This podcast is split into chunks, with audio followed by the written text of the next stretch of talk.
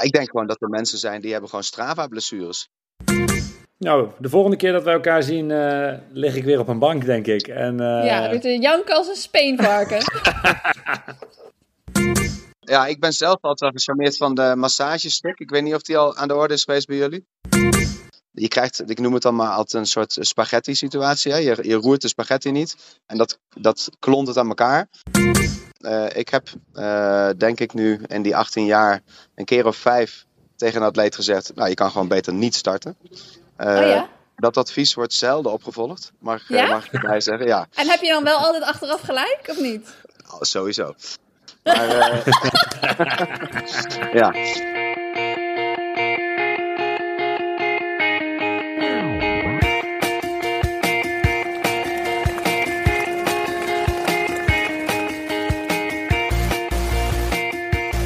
Welkom bij de 79ste aflevering van Suzy Q&A, de podcast over hardlopen, training en wedstrijden. Ik ben Imo Muller, de uitgever van onder andere Runners World en vandaag hebben we Joost Volhard te gast.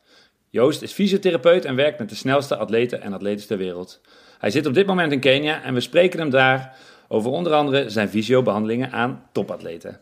En aan de andere kant van de lijn, nog net in Hilversum, want volgende week zit ze aan de andere kant van de wereld, Susan Cremens. Yay, zijn we nog even in de kou. En dan ga ik weer de zomer in. Zo, dat contrast wordt groot. Wat is het verschil in, uh, in graden? Oh, ik heb het weer nog niet gecheckt. Maar weet je, in Melbourne hebben ze altijd, uh, zeggen ze ook altijd, vier seizoenen in een dag. Dus dan kan het alle kanten op gaan. Dan kun je op dezelfde dag hagel en regen en zon en hitte. Uh, ik denk dat het ergens tussen de 30 en 40 graden ligt op het moment. Dus uh, het petje gaat mee, de zonnebrand gaat mee. Uh, ja, wordt helemaal lekker. En het is ook zo fijn voor de Achillespees. Dat is wel echt wat ik merk, nu het zeg maar nu een beetje kouder is. Um, ja, dat mijn Achillespees, ja, die, ik heb natuurlijk altijd lange sokken aan, dat sowieso. En ik, oh, ik vind het echt, ik krijg er ook echt kriebels van als ik iemand zie hardlopen in, in enkelsokjes of in korte sokjes in de, in de winter. Dat mag wij, moesten, wij moesten vroeger tracteren op appeltaart. Als oh. je in de maanden november, december, januari, februari op de training een Achillespees zag, bloot in het wild, moest je de training erop appeltaart tracteren. Ja, ja, ik zou je gewoon wegsturen. Dus maar, maar ik vind die appeltaart wel een goed idee eigenlijk, ja. Dus uh, ik vind het een hele goede regel. Want ja, die Achillespees die wil je gewoon niet zien in de winter. En inderdaad, als het dan koud wordt, dan sowieso lekker warm sok over. Maar dan merk ik dus nog steeds dat als ik dan s ochtends ga lopen, dat het gewoon ja, allemaal een beetje stijver is. Maar het kan ook de ouderdom zijn, hè? Ouderdom. Ja, maar in Melbourne is het stuk warmer, dus bezoek jij ook minder de visio. Bruggetje. Ja, minder de visio, ja. ja, ik, kan, uh, ik ga er inderdaad niet zo vaak naar de visio, dat klopt. Dan kan ik iets meer, uh, gewoon met mijn eigen behandelingen red ik me daar wel. En ik kan sowieso, Joost, die mij natuurlijk ook behandelt en onze gast is vandaag, uh, kan ik ook niet inpakken en meenemen. Dus die zit namelijk in Kenia. Ja. Hey, voordat we over, um, over visio's beginnen en Joost uitnodigen, hm. nog even een vraag. Ik zag op jouw social uh, een heleboel mensen kriskras door een bos rennen en iets met een bal doen. Meestal als, ik, als jij een clinic geeft, ik denk dat het een clinic was, met een bal, dan is het hasbal. Maar ik zag ook volwassenen, ik zag verschillende leeftijden en ik zag ja, bomen zouden anders in de weg staan. Wat was je aan het doen? Ja, we waren gewoon aan het vrij spelen in het bos. Nee, dat was, uh, was echt een mooie training. was... Um, zeg maar, er is een, een businessclub in Nijmegen en die ondersteunen teams even heuvelen en zorgen ervoor dat al die kids zich kunnen ontwikkelen in een team. En dan een paar keer per jaar gaan we dan met z'n allen samen trainen. Dus dat zijn dan nou, junioren en dan tegenwoordig ook senioren toplopers en dan natuurlijk de recreatieve lopers. Dus ik mocht een training bedenken voor iedereen. Dus ik mocht de training geven, vond ik heel leuk. En toen dacht ik, ja, ik kan iedereen natuurlijk een simpel vaartspel geven, dan kun je lekker op je eigen tempo lopen. Maar laat ik maar gewoon mijn favoriete training doen. Ja, en dat is dan een combo natuurlijk van een threshold. Bingo! En uh, heels, dus dat was heel leuk. Maar in de warming-up, wat ik eigenlijk het allerleukste vind om te doen... en dat vind ik leuker dan bijvoorbeeld loopscholing... is gewoon om nou, een beetje een balspel te doen. Hasbal doen we dan heel vaak. Maar bij dit balspel, omdat ik dus... we gingen echt het bos in rennen... en de warming-up was echt 20 minuten naar die plek toe... en anders moet je allemaal pionnen en zo meenemen. Ja, vroeger wisselden wij hasbal en tienbal af. En bij tienbal ga je gewoon met teams probeer je tien keer over te gooien en dan scoor je een punt. En die andere, andere team probeert het dan te onderscheppen. En als de bal op de grond komt, dan krijgt, gaat de bal naar het andere team. En je mag ook niet teruggooien naar, naar degene van je de bal krijgt. Dus dat zijn een beetje de regels. Maar het leuke daaraan is dat je dus nou ja, heel erg driedimensionaal aan het bewegen bent. En eigenlijk allerlei spieren opwarmt die je ook zou opwarmen als je gewoon, nou ja, gewoon het rails of loopscholing zou doen. Alleen is het wat speelser. Maar het was grappig, want van tevoren dachten al die volwassenen van, ga een balspelletje doen. Maar die waren super fanatiek. En de hand zeiden ze echt van, tegen elkaar van, ja, waarom doen wij dit eigenlijk gewoon niet vaker tijdens de warming-up? Waarom moet het altijd zo uh, gestructureerd? Weet je, want dat, was, dat kon je op de video zien. Dat was duidelijk niet gestructureerd, hè? Geen structuur. Nee, lekker chaos. En die chaos, dat, af en toe is dat gewoon lekker. Dus um, ja. ja, één groot succes. Dus het was erg, uh, was erg leuk om te doen. En uh, hele energieke training. Uh, leukere, leuke heel sprint. En ik vond het ook leuk. Ik heb ook even wat meegedaan. Ja, dan kan ik mooi even met de junioren mee. Als ik gewoon een beetje niet op 100% loop, dan is dat helemaal prima met mij. En uh, ja, ik vond het erg leuk. Het was een leuke training. Ik geef op dinsdag altijd trainen aan uh, 6, 7, 8-jarigen. En dit, ja. uh, ik ga het doen. Laat ik je volgende keer weten hoe het, of, het, of ik er wel structuur in heb kunnen brengen. Of dat denk ik, ik denk het wel. Jij bent natuurlijk gewoon zo iemand die, die dat gewoon helemaal gestructureerd kan doen. Ik dacht, ik ga het lekker expres doen waar een boom in het midden staat. Extra obstakel. Ja, was leuk. Ik heb geen fluitje of zo hoor. Nee, geen fluitje? Nee, je, je hebt gewoon een zweep. hey, wij ja, hebben een week of uh, drie, vier geleden hebben wij afgesproken dat we elkaar niet meer whatsappen. Ja, klopt. Uh, maar alleen maar spraakberichten. Dat ja. gaat hartstikke goed. Alleen eerlijk is eerlijk, ik heb afgelopen week geen spraakbericht van je gehad. Waar was je druk mee?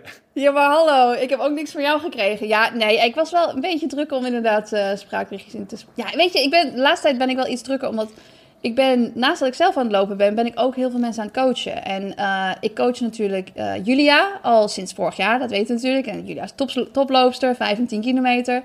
Uh, en dat doe ik op afstand. En dat ging eigenlijk zo goed dat ik dacht afgelopen zomer: waarom breid ik het niet uit en, en probeer ik ook wat uh, recreatieve lopers te helpen? En dat kwam eigenlijk een beetje omdat ik, um, nou ja, ik zat zelf natuurlijk met mijn COVID en dan was ik van het herstellen.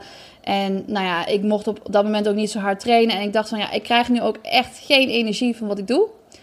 En toen dacht ik van, ja, misschien is dit wel het moment om dat langzaamaan een beetje te beginnen en te, en te kijken of ik anderen kan helpen. En met zo'n training, zoals bijvoorbeeld afgelopen zondag, dat ik dan nou ja, gewoon een clinic geef of een training geef, dan merk ik altijd dat ik na de training nog super lang met mensen aan het napraten ben, één op één. Omdat iedereen toch een beetje zijn eigen uitdagingen en problemen. En soms is het iets met motivatie of pijntjes. Of nou ja, hoe hou ik de training interessant en de variatie erin. En toen dacht ik, ja, als ik nooit genoeg tijd heb om met die mensen te praten. Waarom maak ik het dan niet een soort van officieel en ga ik die mensen gewoon coachen, ook op afstand? Dus daar ben ik eigenlijk afgelopen zomer mee begonnen. Alleen, ja, het wordt nu dus steeds drukker. En uh, ik had vanochtend bijvoorbeeld een intake met iemand, uh, die gaat volgend jaar uh, New York Marathon lopen. En die wil hem onder de drie uur lopen. En het wordt eerste marathon, dus echt wel een super groot doel. Maar hij heeft echt zoiets van, ik wil er echt 100% voor gaan.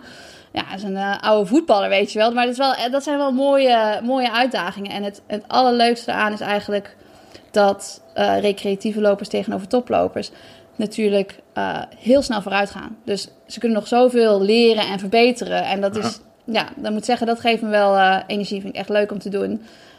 leuk om die mensen te kunnen helpen met van alles. Um, dus het is niet alleen training, is ook voeding en nou ja, eigenlijk alles eromheen. Om gewoon het maximale uit jezelf te halen. Dus maar oh ja, ik heb cool. jou natuurlijk ook de website laten zien. Want het is, het is nu officieel ook. Want ik dacht eerst van ik doe het een beetje op de achtergrond. En ik vertel. Nou ja, de mensen die al interesse hebben getoond. Die weten al dat, dat dit al een tijdje loopt. Omdat ik dacht van ik ga het eerst een beetje rustig opstarten. Maar nu is er ook een website. En die heet uh, runbrave.nl. Nou is het zo dat ik wel een beperkt aantal coachingplekken beschikbaar heb. Maar er zijn nog wel plaatsen over. Dus mocht je interesse hebben, check het dan eventjes. Ik wil toch stiekem de luisteraars van Suzy Q&A een soort van scoop geven en ze eerder vertellen voor de rest van de wereld. Dus je hebt een klein beetje voorrang. Uh, dus mocht je interesse hebben, wees er dan wel snel bij. Check de website, typ het in of uh, klik op de link in mijn bio. Dan kom je er ook terecht. En in de show notes straks. En in de show notes straks. Oh, dan hebben we die ook weer genoemd. Maar uh, ja, het is Run Brave. Want ik vond Run Brave ook wel een mooie naam. Omdat dat toch een beetje... Ja, een hele mooie naam. En ja. Hele mooie naam. Ik, en ik heb natuurlijk de website bekeken. die eerste foto, die is echt heel... Er staan trouwens sowieso hele mooie foto's op. Um, maar die eerste foto deed me wel een beetje pijn. Want dan, dan valt het natuurlijk op hoe mooi jij heel brave uh, aan het lopen bent aan de, aan de kop van een groep. Maar als je goed ver in de achtergrond kijkt, dan zie je mij, zeg maar, Oh, sterren oh, ik weet al. Ik weet al welke foto jij bedoelt. Ja, dit is niet de allereerste foto, maar dit is wel de foto als je de link oh. doorstuurt. Ja, dit is ja. ja dit, de eerste foto. Ja, is bij het WK in Londen. Daar liep jij niet mee, volgens mij. Nee. Maar, nee. Tenminste, ik heb jou niet. toen niet gezien, maar... Uh, Druk weekend had ik al, ja. snap ik. Nee, maar ik weet al welke... Jij bedoelt die foto van de Zevenheuvelloop. Ja, en dat is prachtig. En daar hebben we natuurlijk volgens mij de vorige aflevering ook over gehad. Dat, is dat die aflevering dat ik jou helemaal naar uh, de tering liep? Ja, dat, uh, dat, dat was die Zevenheuvelloop en uh, dat is die foto. Ja. Prachtig. Nou, cool man. Nee, Ja. Ziet er echt heel mooi uit. Eh runbrave.nl, dus eh, mensen moeten maar eens kijken. Oh, je kunt eh, ook nog vragen stellen voor de podcast. Hè? Er is een klein podcast section heb ik erop gezet. Oh, serieus? Ja, nee, dat is ook nog bij de Oh, media. nice. Dus dan kun je nog leuk als je nog een vraag wil stellen of zo. En als je denkt van, nou ja, er is niet echt een plek waar ik hem kan droppen. Daar kun je hem ook droppen. Dus eh kan Nice. natuurlijk op Instagram. Ja, Hey, en ehm, de mensen die jij training geeft en coach, die moeten dus ook wel eens naar de visio. Jij bent denk ik de meest ervaren visio-bezoekster van. Nederland. ja dat klopt. Ik heb zelf de regel. ehm, als ik een pijntje heb, als ik een pijntje heb, en ik heb deze, deze regel heb ik gejat. Ehm Jill Holteman en Ronald Schreur hebben mij die ooit verteld. En ik deed hem eigenlijk wel, maar niet zo, zo hard. En eigenlijk als je een pijntje hebt en je, hebt, na, je neemt 72 uur rust... en het is dan nog steeds een pijntje... Ja. Dan, ja, dan moet je echt naar de visio. Ik denk dat jij gaat zeggen dat je ook preventief soms naar de visio moet. Maar als je na rust nog steeds pijn hebt, dan is er echt een probleem. En dat ga je Ja. niet zelf eh, oplossen. Ja, wat, wat bedoel je met rust, hè? Want kijk, ik denk dan meteen 72 uur rust. Nou, dan moet je benen toch wel bijna- afvallen als je zoveel rust gaat nemen. Maar eh, Ja, Nee. dat is nog een andere vraag. Zeg maar. Hoe, eh, wat, is, wat is verstandig tussen rust en toch wel iets van doortrainen? ja, en dus natuurlijk met verschillende pijntjes is dat... En dan hebben we straks natuurlijk de expert aan het woord. Maar ik weet natuurlijk ook wel dat met verschillende pijntjes... dat het wel uitmaakt wat je precies voelt of je rust moet nemen. Want bijvoorbeeld met een Achillespees... die vindt het vaak ook wel fijn om juist te bewegen. En dat betekent misschien niet dat je moet rennen... maar het betekent misschien dat je even alternatief moet trainen... maar dat je er wel een beetje beweging in houdt... zodat die bloedsomloop blijft doorgaan... dat Ja. het wel eh, een beetje soepeltjes aan blijft voelen. Dus ja, er zijn natuurlijk allemaal verschillende dingen... en er zijn niet echt harde regels voor. Je moet op een gegeven moment... Iedere loper maakt ook gewoon fouten en daar leer je dan weer van. En dan hopelijk doe je dan de volgende keer beter. Dus, eh, maar goed, ja, preventief naar de fysio doe ik zeker. Ehm, ook omdat ik het gewoon heel belangrijk vind dat mijn rug en zo goed staat en dat je dan goed beweegt. Want ik voel dat zelf niet altijd goed aan of dat goed beweegt.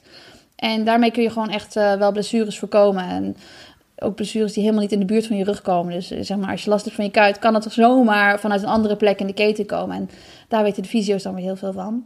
Maar goed, ik Ja. heb natuurlijk wel al mijn speeltjes en zo om zelf ook heel veel dingen te doen. Dus eh, je hoeft niet helemaal afhankelijk te zijn van de fysio. Maar het is wel fijn om een goede te kennen. Ik ga straks ook vragen wat het favoriete speeltje van Joost is. Oh ja, leuk. Gaan we doen. Ik weet wel, hè, jij zegt rust, weet je, 72 uur is wel lang. En wat is dan rust? Want je doet nog wel wat. Ja. Ehm, maar als ik dan terugdenk naar mijn blessures in het verleden, Ja, had ik wel even rust moeten pakken. Zeg maar. Dat je, kijk, dan denk je terug en denk je, ha- had- was het Uiteraard, niet ja. veel minder erg geweest als ik gewoon iets verstandig heb. Dus ik ben tegen anderen altijd heel verstandig. ja. Maar tegen mezelf, eh, ja, dat is echt treurig soms. Dat heb ik dus ook. En dat is wel omdat ik ook Julia coach en die anderen dan coach. Dan ga je er zelf ook wat beter mee om. Dat je dan advies zit te geven aan anderen. En dat je denkt van ja, waarom luister ik daar zelf eigenlijk niet naar? En ik heb daar met Joost, met onze gast, dus ook wel gesprekken over gehad. Omdat hij mij natuurlijk ook behandelt. En hij behandelt eh, Julia ook. Dat ik zeg van nou, soms zou ik mezelf wat meer willen coachen zoals ik Julia coach. En zegt hij ja, maar dat kan je ook gewoon een beetje doen. En dat is wel, ik heb daar wel wat van meegenomen. En ik leer daar zelf ook wel weer van. Dus dat is wel heel leuk om te zien. Ja, dat is zeker. Patricia, mijn, eh, mijn vriendin, die, eh, die zegt dat ook wel eens. Die heeft ook wel pijntjes. En dan twijfelt ze of ze moet doen, of ze gaat gewoon en heeft ze daarna spijt. En als Ja. je dan vraagt, wat, wat zou je jezelf anders adviseren? aanraden, ja. rust, rust natuurlijk. ja, waarom heb je dat niet gedaan dan? Ja, ja, ik, heb, eh, ik moet er ook trainen. Ja, weet je, Ja, dat is- eh, hallo, ik heb toch een gewoon een hoge pijntolerantie, dus dat maakt het toch niet uit. Ja, dat is natuurlijk ook nog een probleem. Dus eh, ja, het mentale gedeelte van de blessures vind ik ook heel interessant. Dus ik ben wel eh, een beetje benieuwd wat eh, Joost daar allemaal over te zeggen heeft. want, want waar ken jij Joost van? Eh, nou, Joost eh, nou ja, werkt al heel lang als fysio en natuurlijk in zijn eigen praktijk. Maar ook eh, in het verleden ging hij vaker met toernooien mee, met de Atletiekunie. Eh dus het eerste toernooi weet ik eigenlijk niet dat hij erbij was. Maar ik weet wel dat bijvoorbeeld in 2015, dus al wel een tijdje geleden... Toen was, het, was ik me voor het WK aan het voorbereiden in St. Moritz. En toen was hij daar echt wekenlang. Was, wa- zaten we eigenlijk bijna de hele zomer in St. Moritz. En dan behandelde hij me ook gewoon bijna iedere dag. Het was echt een luxe om dat te hebben. Ja, toen heb ik me ook echt goed kunnen voorbereiden. Dus dat was fijn. Eh, en toen was eh Sifan er ook. Dus toen was hij daar gewoon voor een aantal atleten om ze dan eh, nou ja, goed te behandelen. En ook een beetje te begeleiden waar dat dan kan buiten de training om. Dus, eh, dus daarvan ken ik hem natuurlijk heel goed. En toen was er even een paar jaar dat, dat, nou ja, dat hij gewoon in zijn praktijk behandelde. En, en niet meer zo vaak met die toernooien meeging. En eigenlijk sinds dit jaar behandelt hij mij ook weer. Dus ja, en hij weet ontzettend veel van Achillespezen af. En vooral ho- hoe je dat kunt managen. En dat, dat managen, dat is natuurlijk super belangrijk. Omdat het gewoon iets is ja, wat je eigenlijk altijd meeneemt. Dat is niet iets dat opeens ophoudt. Je moet dat altijd blijven doen. En het is wel fijn dat hij dan, uh, ja, die mentale kant, daar, daar motiveert hij wel heel erg in. Dus uh, je kunt veel van hem leren. Ja, ik weet niet of dat voor alle visio's geldt. Maar hmm. Joost is heel eigenwijs. Um, en dat bedoel ik positief. Ik ken Joost ook van een, uh, mijn eerste ervaring met Joost was op een trainingskamp in Badura met Bram Wassenaar, echt, echt lang geleden. En toen had ik een pijntje. En dat is een pijntje die ik gewoon vaker had. En dan, ja, dan wil je eigenlijk gewoon dat er iets wordt gedaan wat in het verleden al is gedaan. En ja. dan zit je niet te wachten om weer een helemaal verhaal uit te leggen. Want je denkt, eigenwijs als ik ben, dat je weet, ik weet het wel. wat het probleem is. maar dan moet je dat toch uitleggen en dan gaat hij iets anders doen. En dan denk ik, ja, maar het werkte wel, weet je. Dus uh, ja, het, het, het, het, eigenwijze en het uh, op, op een eigen wijze oplossen... Ja, dat vond ik wel... Uh, ja. Dat vond ik bij Joost wel opvallend. En ja, hij is natuurlijk heel erg ervaren. Dus hij, hij weet ook precies hoe hij moet omgaan met al die gekke, gekke hardlopers. Ja, ik hoop trouwens wel dat we straks een mooie verbinding hebben. Want hij zit natuurlijk wel in Kenia. Uh, sinds, sinds gisteren volgens mij. Dus uh, we gaan Vannacht, volgens mij kwam hij vannacht aan. Oh, vannacht kwam hij eraan, ja. Dus dat is een lekkere ja. timing. Maar is hij dus nu voor een trainingstage. Ik weet ook niet precies met wie hij mee is. Maar ik weet wel, daar zitten natuurlijk wel Nederlandse atleten. Jill zit er natuurlijk ook. Um, maar uh, ja, daar behandelt Maar ook Keniaanse atleten. Ik denk dat hij die... dat hij die ook behandelt daar. Die zitten daar standaard natuurlijk in dat kamp. Ja, ik dus, denk dat, hij, dat hij voor Global mee is. Maar hij mag het ons gaan vertellen ja. natuurlijk. Dus we gooien hem er zo in.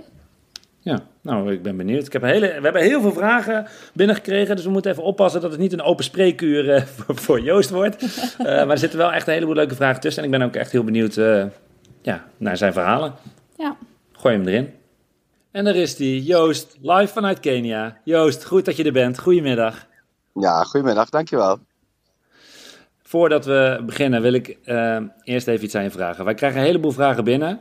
Maar een aantal gaan over de Speenvarken-trofee. Kun je even vertellen wat dat is? Ja, dat is uh, de trofee die degene krijgt uh, die uh, het hardst gekrijsd heeft op de bank. Oh, ja, ik kan me dat voorstellen. Bijvoorbeeld bij een trainingstage. Ja, ik zag ook al die vragen voorbij komen, ja. Ja, leuk. heeft Suzanne die prijs wel eens gewonnen? Nee, dat zijn altijd mannen. nice! Ja, ik zou hem niet zomaar laten kennen natuurlijk, dat snap je wel. Daarom, daarom. Ja. Ja, nee, die bestaat nog steeds. Hey, waar ben je nu, uh, Joost? Ik ben nu in Eldoret net aangekomen. En, uh, en, uh, en, en, wat ga je daar doen? Nou ja, ik, ik ben hier regelmatig in opdracht van Global Sports. En ja, ik ga een aantal atleten zien in het kamp. En we gaan ook weer aan het team een stukje uh, uitbreiding van krachttraining geven. Ah, en waar is dit kamp? Het kamp is in Kaptagat. Een Kaptagat. En dat is best wel een beetje afgelegen allemaal, toch? Zeker, maar het ja. is uh, van Eldoret 30 minuutjes met de auto, dus dat is allemaal oh, prima. oké, okay, ja. Um, Joost, dit is niet de eerste keer dat jij in Kenia bent volgens mij. We, weet jij nog de allereerste keer dat jij, uh, ja, dat jij uh, oversteek naar Kenia maakte? Ja, nou dat was nu ruim tien jaar geleden. Toen zouden we eigenlijk met het gezin op vakantie gaan naar Italië. En toen kreeg ik een appje van ja, kan je naar Kenia zo snel mogelijk? En toen zei ik ja.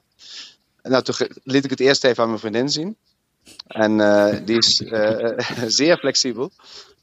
En toen zei ja, hè, dan altijd even kijken hoe ze kijkt natuurlijk. Toen uh, bespraken we het en toen, nou ja, hè, we hadden op zich nog niks geboekt. Dus toen bekeken we de optie van, nou ja, zou dat dan ook, zouden we onze vakantie dan kunnen verplaatsen, zodat ik inderdaad naar, naar, naar Kenia kan voor Global. Nou, dat, dat kon, dus dat hebben we toen voorgelegd. En ja, toen zijn we met het hele gezin daar naartoe gegaan en heb ik daar gewoon mijn werk kunnen doen, wat daar de bedoeling was. En hadden we op die manier vakantie.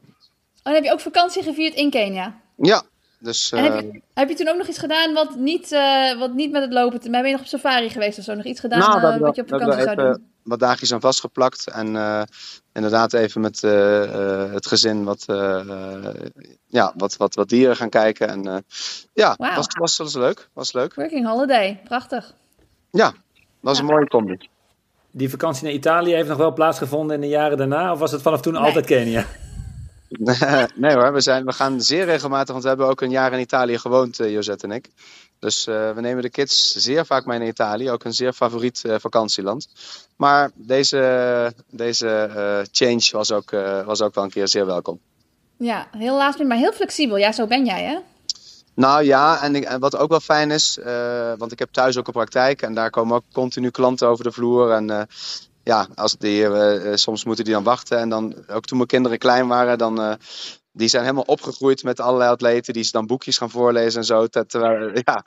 Dus ik, eh, mijn, mijn gezin helpt wel enorm mee om uh, dit, deze baan mogelijk te maken. Ja, wel mooi dat je daarom ook eigenlijk uh, de flexibiliteit hebt om naar dat kamp in Kaptegat te gaan. En, en is het kamp nu heel vol en, en, en wat voor atleten zitten daar? Ja, ik denk een, een stuk of twintig atleten. En uh, nou ja, een aantal namen kennen jullie natuurlijk wel. onder andere Elliot en Geoffrey Kammerer en Fate Jagon. En, maar het is een uh, kamp met uh, een aantal atleten die uh, al op zeer goed preste niveau presteren. Ja, dat zijn grote En daarnaast een aantal atleten die upcoming zijn. Hè? Ja. En hoe lang zit je daar dan? ik, ik ben er nu tot zaterdag. Dus we zijn altijd, ik ben altijd een dag of vijf, zes hier. En dan kan ik een aantal atleten zien. En dan begeleid, ben ik bij wat trainingen. En, maar er, zitten ook, er zit ook een heel goed medisch team hier. Dus daar kan ik dan even mee samenwerken en gewoon even zorgen dat we allemaal uh, ja, op, uh, op één lijn zitten. Op de goede koers zitten. Ja, ja. precies. Ja, het is heel zijn fijn. het alleen Keniaanse atleten of zijn er ook Nederlandse atleten op dit moment? Nou, uh, het zijn met name Keniaanse atleten, maar Abdi Nagee heeft hier ook wel eens gezeten een tijdje. En, uh, maar ik denk dat het op dit moment met name Keniaanse atleten zijn. Ja. Oké. Hey, en jij zegt uh, naast dat je ze gaat uh, behandelen, ook krachttraining is een belangrijk onderdeel deze week. Ja. Wat, wat, wat is een aandachtspunt? Nou, een aandachtspunt is dat atleten belastbaar genoeg moeten zijn om de trainingen, de looptrainingen aan te kunnen. En is het zo dat eigenlijk, of je nou topatleet bent, of Imo Muller of een andere recreant, dat elke loper eigenlijk te weinig krachttraining doet?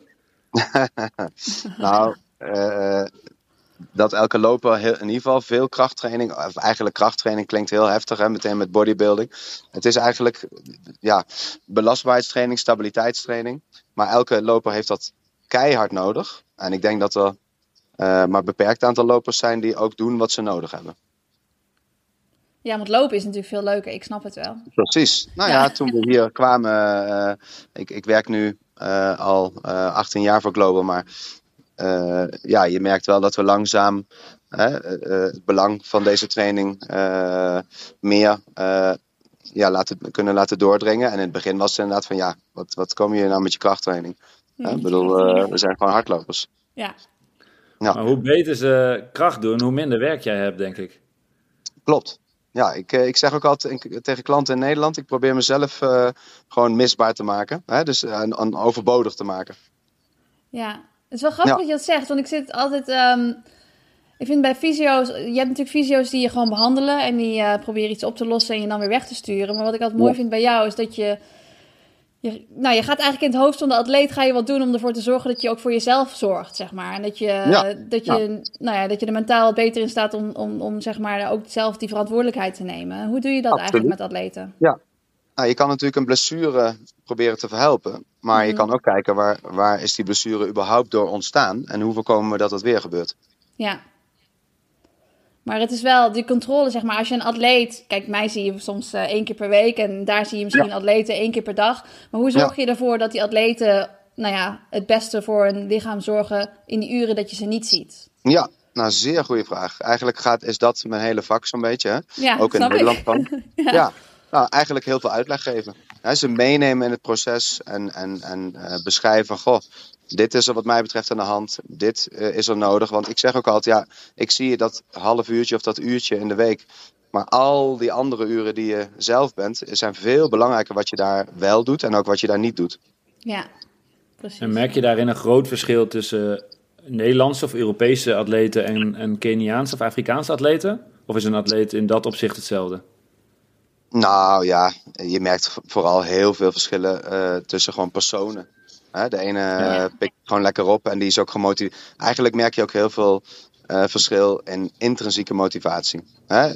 Uh, ja, ik werk eigenlijk graag met, met atleten of met sporters die echt ook graag iets willen bereiken. En ook graag van een blessure af willen komen. En er dan ook zelf voor gaan. Maar ja, als ik de enige ben die de kar aan het trekken is. En ik merk dat ik iemand oefening heb opgegeven, maar dat gebeurt niet. Ja, ja. Dan, heeft het, dan heeft het geen zin. Want nogmaals, in dat ene uurtje per week kan ik het niet bolwerken. Nee. En, uh, want je bent nu dus op een, bij een trainingstage, maar je gaat ook wel eens mee naar grote wedstrijden, naar majors. Ja. Ehm, en wat is dan je rol bij zo'n major? Ja, nou ja, dat, uh, dat is toch net weer iets anders natuurlijk. Hè? Want bij een stage of hier op locatie kan je gewoon echt bouwen. Mhm. En dan is het eigenlijk zorgen dat een atleet in die paar laatste dagen, dat we samen de puntjes op de i zetten, dat hij fysiek en ook wel een beetje mentaal gewoon zo goed mogelijk aan de start verschijnt. Ja. Ik heb altijd het idee dat uh, de rol uh, van een fysiotherapeut, zeker in die laatste 1, 2 dagen, wanneer meer een, een pedagogisch hulpverlener aan het worden is, dan dat je echt nog problemen kan oplossen. Toch? Je hebt allemaal te maken met zenuwachtige, uh, misschien wat onzekere atleten. Dus je kunt, of, of kun je, moet je ook nog wel echt problemen oplossen een dag voor een marathon? Nou, als iemand met grote problemen aankomt, dan, uh, wordt, het een, een, dan wordt het lastig. maar er zijn natuurlijk altijd kleine dingetjes waar je wel, wat ik zeg, hè, puntjes op de i zetten, waar je toch wel eventjes net een uh, klein verschilletje kan maken. Maar ik denk inderdaad vertrouwen geven. Hè? En dat is natuurlijk een belangrijk deel op dat moment. Zeker. Ja.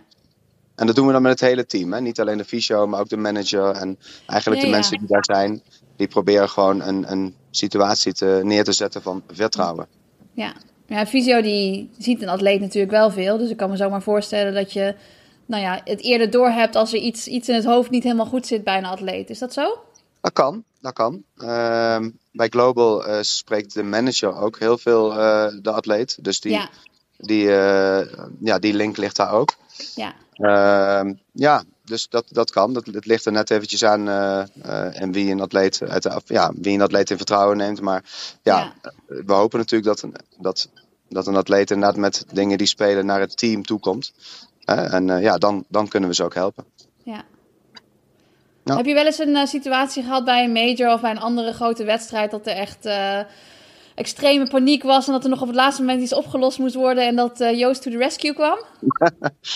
Nou, uh, er is wel eens een gebrek aan zelfvertrouwen, zeker.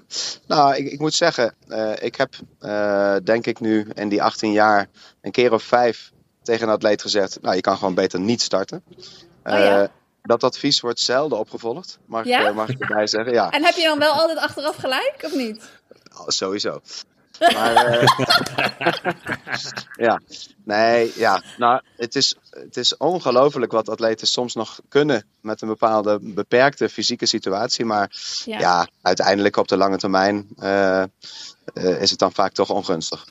Ja, maar dat is wel mooi, want als je daar met een half gebroken been toch probeert te starten, omdat je er zoveel in geïnvesteerd hebt. En als iemand van buitenaf, nou ja, ja. niet jijzelf, dat tegen jou zegt, dan is het natuurlijk wel, het is wel fijn om iemand te kunnen vertrouwen dat ze die ja, dat ze, dat ze die beslissing kunnen nemen, zeg maar. Dus dat ja, is wel. Dat is waar. Maar, ja, die maar drive... moet je wel naar luisteren natuurlijk. Nou, die drive om, om toch te lopen, om welke reden dan ook, die is extreem groot.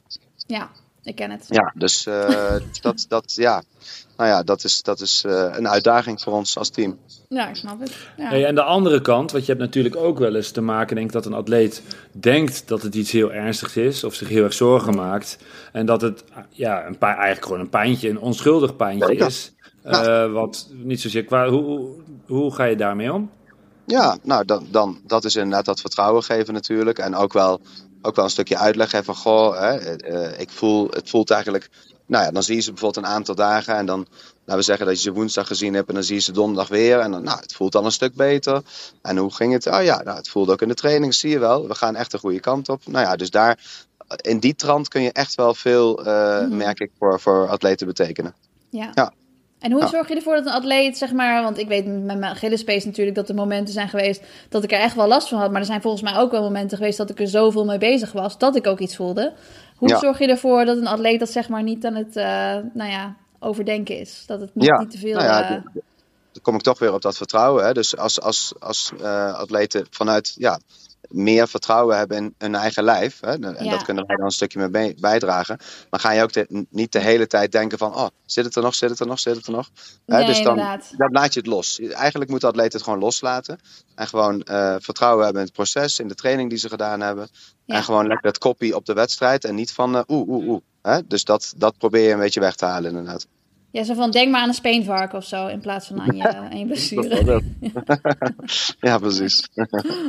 nou ja, weet je, eh, eh, denk maar, nou ja, gewoon focussen op de wedstrijd. Hè? En het komt goed en eh, je staat er goed voor. Eigenlijk heel veel positieve benadering. Ja, Is dat ook de meest gemaakte fout van een atleet? Dat ze zich te snel of, of zorgen maken of te gefocust zijn op een pijntje? Is dat het eigenlijk de meest voorkomende of, ja, fout of probleem? Of, of, eh, hoe- Nou, eh, eh, er wordt toch ook wel vaak eh, te hard doorgetraind met, eh, ja, met kleine dingetjes. En dan worden het grote dingetjes. En dat willen we ook niet. Nee, ik ken wel van die mensen, van die atleten die dan altijd gewoon weer veel te snel opbouwen als alles Ja. opeens goed gaat. Hè? Ja, dat is echt. Ja, je snapt ook niet dat die mensen dan weer dezelfde fout steeds maken. Er schieten me geen voorbeelden te binnen, maar... Nee, mij ook niet. Nee, maar ik, ik, ik, ik, ik zie het wel om me heen, heel dichtbij. ook. ja, precies, precies. Ja. Maar aan de andere kant, Suzanne, om het even voor jou op te nemen. Ja, Ehm, Ja. Jij bent wel, denk ik, van alle atleten die ik ken, en ik weet niet of je wel, denk ik, de meest gedisciplineerde als het gaat om, om oefeningen en, en eh, activeren. ik denk dat daar heel Ja. veel wat van. eh, ja. Maar ik stop er ook alles in en dan, eh, dan ga ik misschien iets, iets te hard daarin door. Maar ja, hè? Nou ja, Dus, wat eh, gewoon heel moeilijk is, en dat merk ik zelf ook, hè, want eh, ik loop eh, op een zeer recre- recreatief niveau ook nog steeds, probeer ik wat te doen. Maar dan heb je last van je Achillespees en dan heb je wekenlang keurig opgebouwd en dan op een gegeven moment eh, hè, gaat het weer lekker en, en je voelt niks en je ziet dat heuveltje weer. Of ik had laatst dat ik was lekker in de duinen lopen en dan liep iemand voor me. En ik had me al lang voorgenomen, Joost, je gaat nu eerst opbouwen tot een uur lopen, zes minuten de kilometer. Gewoon super easy. En doe dat nou eens een keer, weet je wel. En ik zag die jongen voor me lopen. Ik denk, eh, maakt me allemaal niks uit. Hè? Eh, ik loop hier lekker zelf. Maar ja, kijk op Strava, eh, wat ik eigenlijk soms niet eens aan moet zetten. Maar dan heb ik toch weer een kilometer van 5,15 ertussen zitten. Dus dat was nog gewoon niet de bedoeling. Hè? Dus dat, nou ja. Dat, Ja. Dat, het, het is ontzettend lastig, merk ik ook gewoon zelf. En ja, dat zie ik ook bij atleten. Om als je lekker aan het lopen bent, om je dan toch in te houden en Ja. toch te doen wat eigenlijk eh, het beste is. Ja, maar wat jij ook zegt, wat, wat dan zeg maar een motivatie kan zijn, zoals bijvoorbeeld zo Strava kan een motivatie voor mensen zijn, is dan ook meteen de valkuil. Dus Het is een enorme het is niet- valkuil. Ja, het is niet allemaal slecht, maar het is ook, ja, je moet ook ergens je motivatie vandaan halen natuurlijk. Dus ik snap Maar ik denk wel. gewoon dat er mensen zijn die hebben gewoon Strava-blessures. Ja, nee, dat denk ik ook zeker. Ja. Ja. En dan denk je dan, dat is gewoon omdat ze dan te hard van stapel lopen, omdat ze Ja. indruk willen maken op hun volgers. Ja, Ja. maar dat je ook beseft, ja, ho, eh, ho, ik heb wel Strava lopen, dus door nu, weet je wel. Ja, dat Ja, is killing en echt Strava-blessure. Dit is echt een eh, hashtag die we erin moeten gooien, vind Ja, je niet? De Strava-blessure. Jazeker, Ja. ik schrijf hem op. En half deze- en ik voel Nice. me ook aangesproken. Je- ja, dat snap ik, dat jij je aangesproken voelt. Ja. Heb je wel eens ergens doorheen gelopen voor Strava? Nou, nu niet meer, maar aan het begin was ik wel eh, door Strava en door die segmenten Ja. deed je Oh, vaker, erg. dus eigenlijk Ja. intervallen.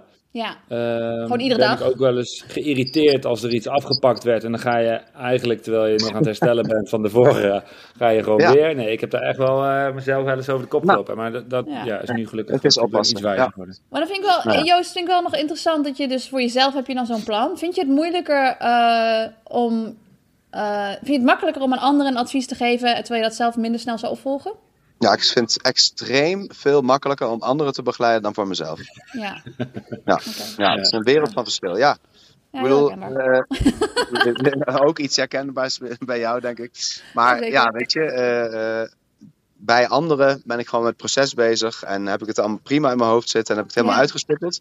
En bij mezelf eh, spelen er ook emoties en, en Ja. de- ja, gaat het lekker en dan, dan, dan denk je wel van, nou ja, hè, nog een beetje rustig aan, maar dat blijkt dan toch net weer niet helemaal gelukt te zijn.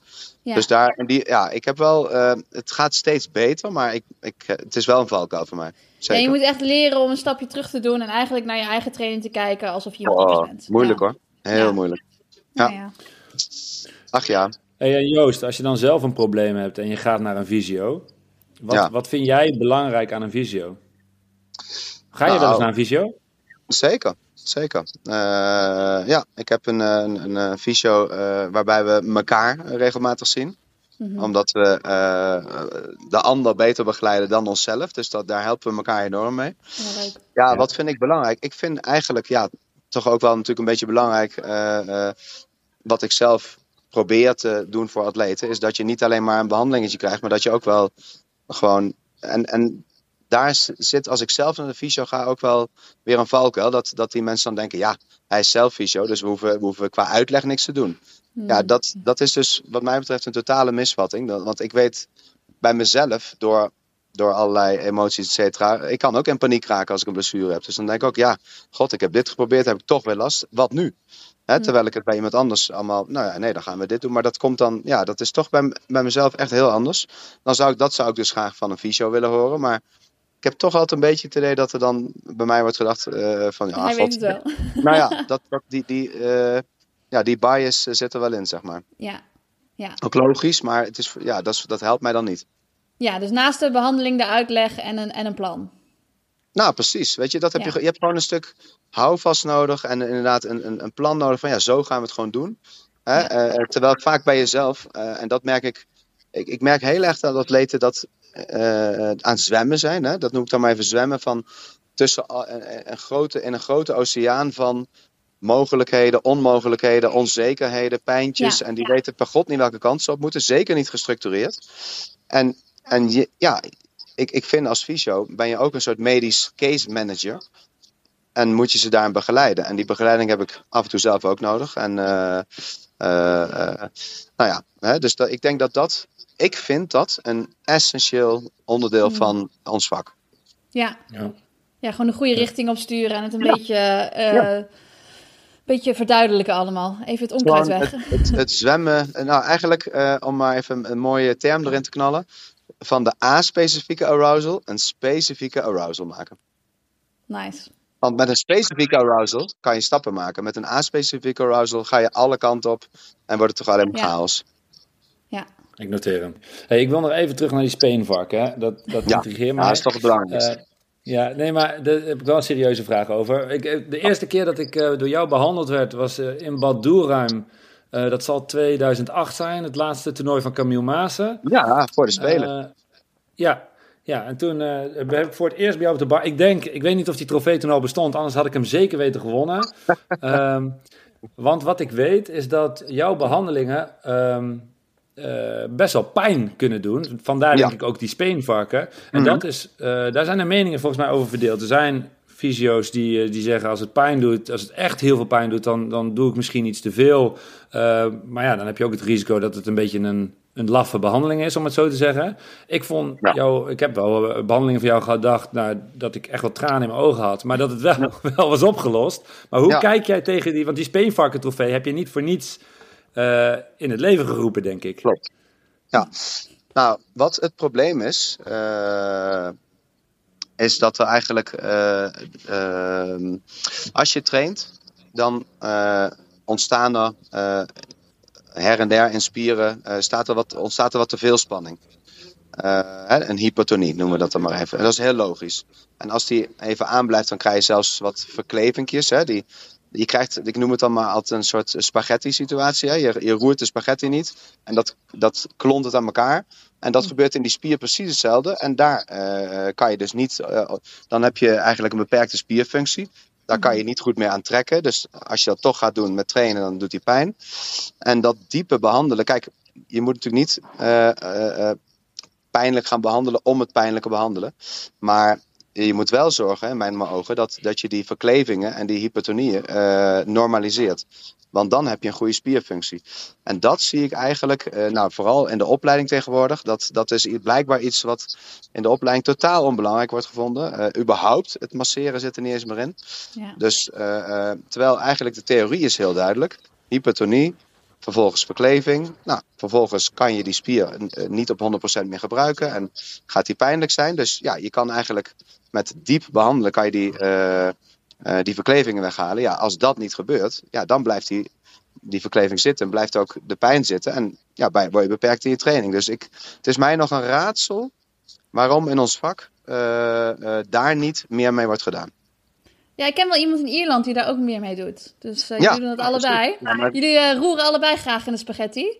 Ja, maar dat is toch te gek dat, dat, dat je daarvoor naar Ierland bij wijze van spreken moet. Of, of vanuit eh, eh, Brabant naar Arnhem of zo. Dat soort dingen. Ja, dat, dat, dat, is, dat is te gek voor woorden natuurlijk. Ja, nou als je je adresjes eenmaal hebt, dan is het oké. Maar het is, ja, het, is, het, zou, het is gek dat het niet wat meer inderdaad op die manier benaderd wordt. Maar eh, ja, Ja. het klinkt allemaal heel Ja. logisch.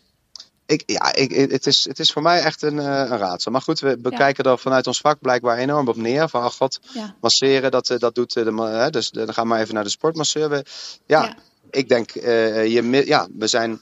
We zijn eh, ja, eh, we zijn eh, vakmensen en we zijn een soort ambacht, zeg maar. Maar dat zijn we soms wel een beetje aan het verliezen. ja. Maar ja, via de opleiding eh, komt het wel bij de volgende generatie eh, fysio's terecht. Ja, ik doe hard Deze mijn best wijsheid. met Ja. alle stagiairs. Ja. ja. Want wat, wat wordt er dan gedaan? In plaats van masseren wordt er eerder ehm, weet ik het, eh, Ja. manuele therapie toegepast of zo. Ja, of, de, eh, of, Of er worden niks. oefeningen gegeven, wat ook belangrijk is. Hè? Ik bedoel, eh, Ja. dat, dat doe je natuurlijk ook. Dat, dat, ik denk, je moet en-en doen. Hè? Dus je, je gaat Ja. kijken van, goh, die spier is, is nu niet goed.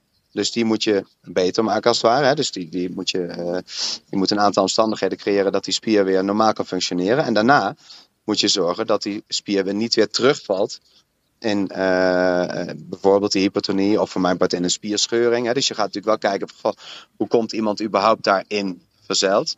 Mhm. Hè? En dat, dat kan je natuurlijk met, met een oefenschema kan je heel mooi aanpakken. Maar ja, intussen zit iemand wel met die spier. En ja, kan die dus dan niet trainen? Ik eh, heb een vraag van een luisteraar. Mag ik die stellen? Ja hoor. Ik wil even vragen aan iemand. Ja, deze is van eh, M underscore VRCM. En die vraagt: Wat zijn de grootste misvattingen over bles- blessures aan de Achillespees? De grootste Oh, je bent geïnteresseerd in Achillespeesblessures. ik vind dat eh, heel Leuk. interessant, dit. ik heb er zelf wel ideeën over, maar ik vind het ook leuk om jouw ideeën te horen. Ik denk dat er wel toch, hè, want we hadden het net over, is de grootste fout om te bang te zijn om, om met een klein pijntje te lopen. Maar ik denk dat toch ook wel een grote fout gebeurt natuurlijk ook vaak, is om toch door te lopen met iets. Mhm. Hè? En eh, eh, je kan soms doorlopen, maar dan op een lager niveau. Eh, maar ja, doorlopen met een pijn die steeds. Nou, eigenlijk, ik denk als, als, als je merkt dat, dat je op een gegeven moment eh, gaat lopen hè, en je hebt in het begin wat stijfheid en die trekt weg. Nou, dat vind ik dan nog acceptabel. Eh, als die stijfheid op een gegeven moment niet meer wegtrekt, of hij komt op het einde weer terug, of hij wordt zelfs steeds erger. Om dan nog te gaan doorlopen, ik denk dat dat een, eh, een, een probleem is. Dan ga je echt een pace Ja, zo van het warmt echt wel op. Ja, Nou ja, precies. Nou, Ja. Maar dat is natuurlijk wel een dingetje. Want eh, ook als die pace stijf is in het begin en hij, hij wordt soepeler en het, eh, het, het voelt dan beter, moet je nog steeds wel op je hoede zijn. Hè? En dan, Ja. je zal in ieder geval je trainingsbelasting moeten aanpassen. Je zal ook je trainingsfrequentie eventueel wat kunnen aanpassen. Dus er zal, je zal iets moeten doen, want eh, blijkbaar is wat je op dat moment doet, is te zwaar voor die pace. Ja. Hè, dus er zal, er zal iets moeten gebeuren in, in intensiteit, in frequentie, maar ook in, in een stukje begeleiding. En ja, als je dan inderdaad koppig bent en je denkt van ja, joh, ik bedoel, eh, hè, ik ben nog jong en dit, dit komt vorig, vorig jaar kon dit ook allemaal deze trainingen en ik voel nu wel een beetje dat, maar we doen het gewoon toch maar, want het staat op het schema. Nou, ik denk dat bijvoorbeeld een hele grote fout is het schema aanhouden. Hè? Dit Ja. staat op het schema, dus dan gaan we dat doen. En ja, Ja. eh, ik denk dat je een schema moet een soort leidraad zijn, een soort eh, raamwerk. En dan afhankelijk van eh, hoe je lijf eh, daarop aan het reageren is, kun je kijken of het wel of niet kan. Ja, precies. Ik ben het er wel mee eens dat eh, je schema inderdaad een soort van leidraad moet zijn. Maar je moet natuurlijk mentaal wel heel sterk zijn om die aanpassingen te, kun- te kunnen doen. En ik denk soms dat een, ja, een beetje advies van een fysio of de hulp van een coach, dat helpt er natuurlijk enorm bij om wel gewoon naar je lichaam te luisteren. Ja. Ja. Joost, we hebben altijd een rubriek. Eh, die doen we normaal altijd eh, los van de gast. Maar we hebben ervoor Ja. gekozen om die rubriek nu gewoon eventjes eh, tussendoor te doen. En dat, die rubriek die heet Speeltje van de Week. Oh ja. Suzanne vertelt dan een speeltje wat ze veel gebruikt. Eh, dat heeft vaak wel iets met preventief een probleem oplossen te maken. Nou ja, je hebt bijvoorbeeld, het k- kan een foamroller zijn, dat kan een, een, een opscheplepel zijn. Wat heb je allemaal gehad? Een, een, eh, een weerstandband. Ja, wat hebben we nog Ja, meer die gebruik ik natuurlijk heel veel. En ook Ja. foamroller. Ja, ik ben zelf altijd wel gecharmeerd van de massagestick. Ik weet niet of die al aan de orde is geweest bij jullie. Ik ben gecharmeerd van de massagestick. Ik vind het een Is dat mooie. al een speeltje geweest? Nee, nog niet. Maar wel leuk. Hij ligt hier wel. Ik kan hem ook even in beeld brengen. Maar eh, de stick bedoel jij toch? De stick, ja, nou precies. Kijk, eh kuiten rollen, dat kan ook met een foamroller. Maar dat is een enorm gedoe. Je traint wel heel goed je core dan, als je dat gaat doen. Ja. Maar eh, ik denk dat kuiten eh, zelf behandelen gaat veel makkelijker met een massagestick. Ja. Ehm, hè, want dan kan je gewoon gaan zitten en je zet die voet op een eh, verhoging. En dan ja, pak je gewoon die deegroller als het ware, want dat is natuurlijk zo ongeveer. Pak je gewoon en dan kan je eigenlijk op een ontspannen, ontspannen manier die kuit gewoon goed aanpakken. Mhm. Hè, een beetje driedimensionaal, dus een beetje achter, een beetje linkerzijkant, rechterzijkant. Dus voor Achillespeesklachten, kuitklachten zou ik veel eerder zo'n massagestick eh, adviseren. Ja, en als mensen nou thuis wel een deegroller hebben en geen massagestick, kan het daar dan ook mee? Of zeg je van nee, dat is eh, een slecht idee? Nee, ik denk dat het kan. Ja, het Ja. idee is hetzelfde. Nou, Dus, dan eh, kunnen mensen ja. wel eens thuis gaan oefenen en kijken of het de moeite waard is om hem aan te schaffen. Ja hoor, gewoon meteen beginnen. Meteen beginnen. Ja, Ja, want eh, dan wordt er ook natuurlijk geklaagd dat het bij mij allemaal zo pijnlijk is. Dan zeg ik al, ja, had, had zelf maar gerold, want dan was het bij mij veel minder pijnlijk geweest. Ja, inderdaad. Het was een beetje, een Ja. beetje voorrollen. Ja, je moet ze een beetje op een kop geven af en toe. Ja, een beetje voorrollen. Nou, hè? de jeugd drinkt in tegenwoordig, hè? maar eigenlijk als Ja. niet voorrollen. Voordat je naar de visio gaat, zit je daar Ja, in de toch? auto in de, in de, par- in de parkeerplaats. Zit je gewoon vast te rollen. Eh, en wat voor puntje ga je het geven? Eh, out of 10. We gaan een Ik vind het een hele goeie. Wat is de score? Joost die denkt, wat is dit? Ik moet een punt geven aan dit speeltje. Ja, en je moet zeggen, hoe, hoe, goed is het? Ah, Is van dat 0 het? tot 10. Hè? Ja, het is zeker een 8. En zeker Ja. een 8. Oké, we gaan een 8.0 Zeker een noteren. 8.0 gaan wij noteren. Mooi. Speeltje Ja. van Joost. Ja, heel mooi. 8.0. 8.0 Ja, Ja. hartstikke mooi. Nee, het is een speeltje wat ik vaak inzet. Tenminste, eh, in laat zetten. Ja, leuk. Mooi. Hey, kun jij iets vertellen? Ik maak, eh, we gaan weer door hoor. Dit was, Ja. dit was de rubriek, Joost. Oh, leuk.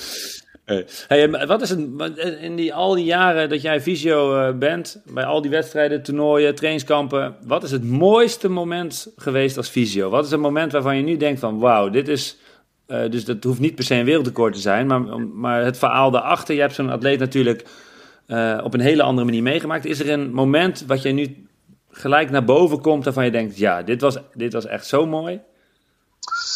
Ja, eh, d- er zijn inderdaad. eh, ik, bedoel, de, eh, ik heb veel atleten mogen begeleiden. En ja, het, mooie daarvan is dat je werkt met hele verschillende personen en persoonlijkheden. En dat je af en toe jaren met iemand bezig bent. En een van die atleten is eh Faith Kipjegon. En toen die haar tweede goud won op de 1500.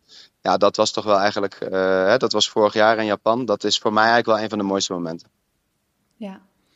En wat maakte het zo mooi behalve haar tweede goud?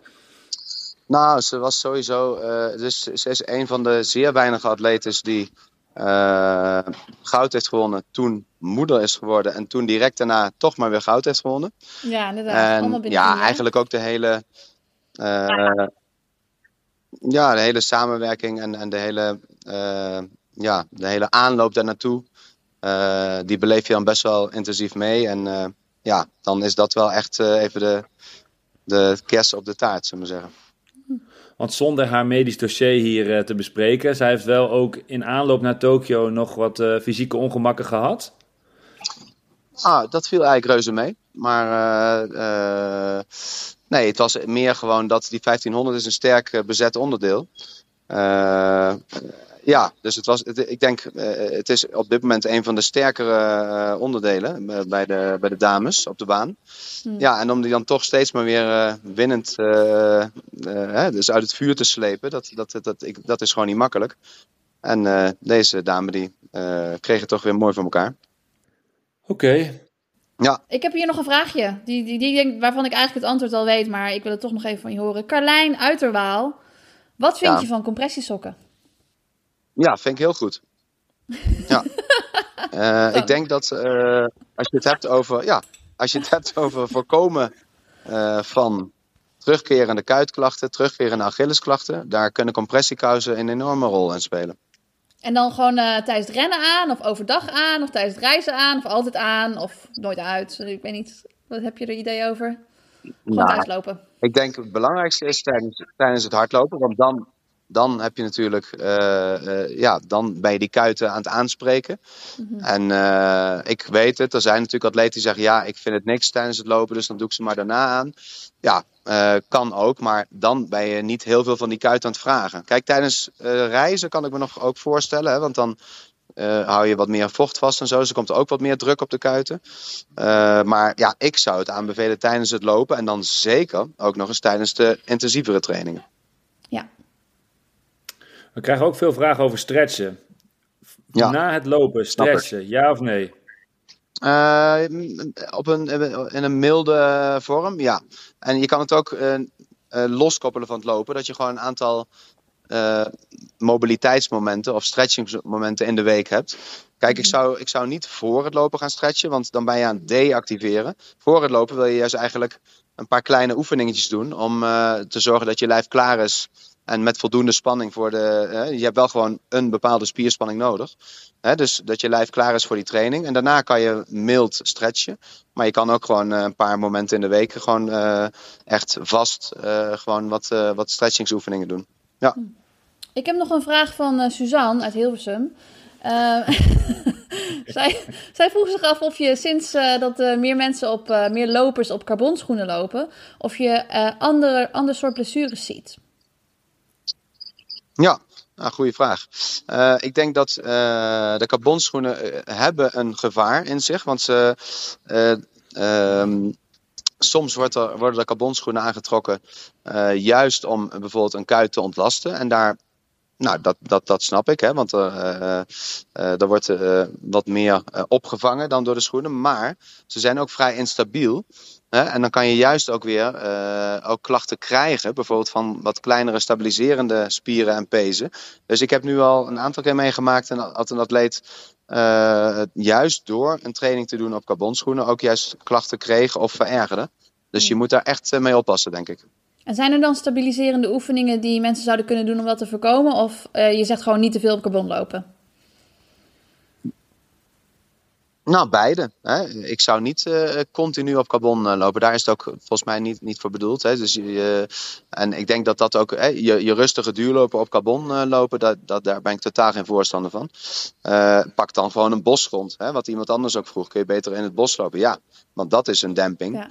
Eh, waarbij je natuurlijk ook wel even moet uitkijken dat je niet op allerlei takken en in, eh, kuilen gaat staan. Maar dat vind ik dan een natuurlijkere manier. Hè? En natuurlijk zijn er ook heel veel stabiliserende oefeningen. Hè? Ook weer met die minibandjes hè, die je dan om je voet heen doet. En dan naar buiten bewegen, naar binnen bewegen. En dan met name rustig terug. Hè? Dat zijn van mooie oefeningen. En je kan natuurlijk ook gewoon op één been gaan staan eh, met je ogen dicht. Of eh, een bal tegen de muur gooien.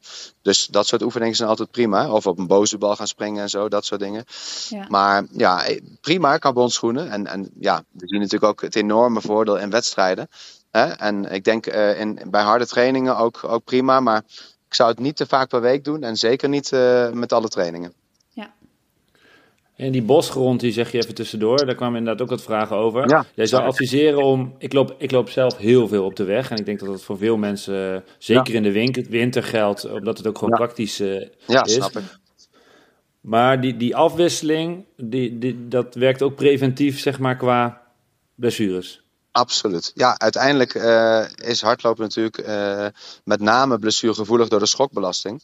En als je die schokbelasting kan verminderen door onverhard te lopen, ja, dan heb je al eh, winst natuurlijk. Nee, ik, ik, ik zou echt wel, ik zie dat ook hier in Afrika veel gebeuren, dat er gewoon relatief weinig op de weg wordt gelopen en toch veel onverhard. Ik denk dat dat heel goed is. Ja. Hè? Ik bedoel, eh, het zijn toch klappen die, eh, die je elke keer maar weer moet op gaan vangen. Ja, Ja, Imo, vaker naar Hilversum rennen. ja, ja, ja. Ja. Ik, Ja, ja.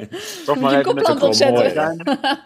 Ja, nou, ik pak, ik pak zelf wel eens gewoon een klein stukje de fiets. Om dan toch maar gewoon onverhard te lopen. Hè? Eh, Ja. ja. ja. Eh, Ja, dan heb je zou- meteen je fietswarming up, toch? Lekker, Nou. eh, lekker een beetje warm eh, draaien.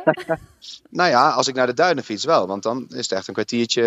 eh, Dus ja, Ja. dus in, in die zin ja. En, Ja. en tuurlijk, ik snap het. Het kost wat meer tijd. En eh, het is soms donker. En het is allemaal.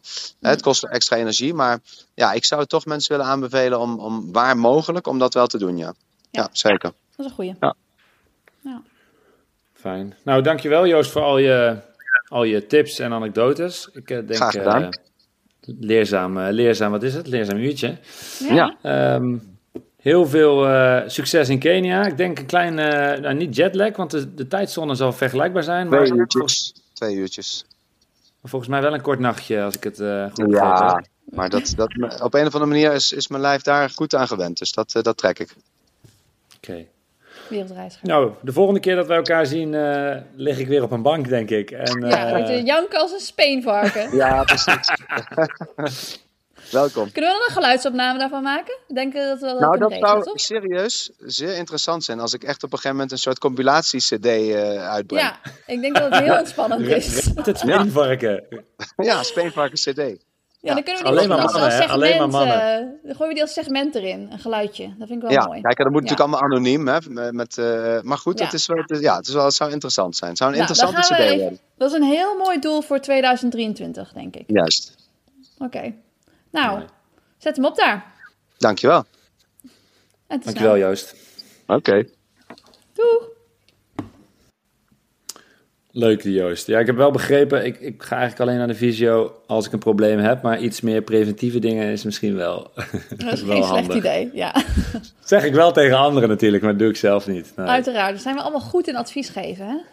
Ja. Wanneer Ja. ga je weer naar de visio? Eh, ik heb nu, ja, ik ga woensdag ga ik weg, dus ik heb nu geen visio-afspraak meer voordat ik wegga. Dus de laatste visio-afspraak is weer geweest. En dan ga ik weer in Australië, dus eh, nu nog even niet.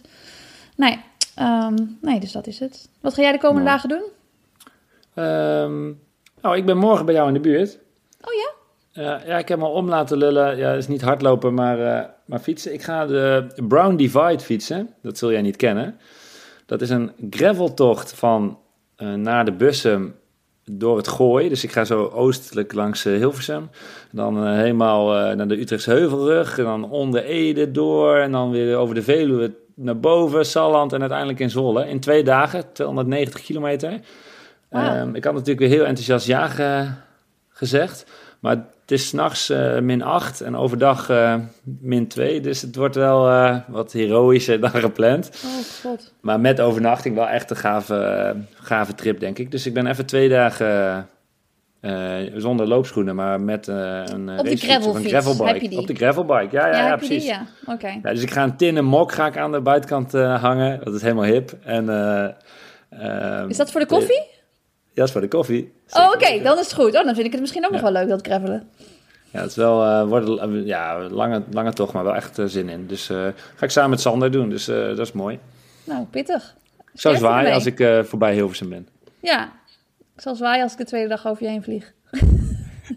Nee, nee, nee, dan ben je er nog. Dinsdag ben je er nog. Misschien zie ik je wel Ja, maar je gaat twee dagen, of niet? Ja, maar ik begin, eh, ja, dag één kom ik Ja, voorbij Hilversum. Oké, ja, leuk. Ik ga je aanmoedigen. Ja, doen, doen, doen. Ja.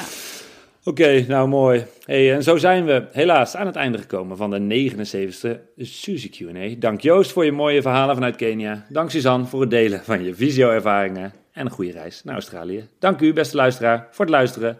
Ook namens Suzanne. Blijf luisteren en lopen. Hoi hoi.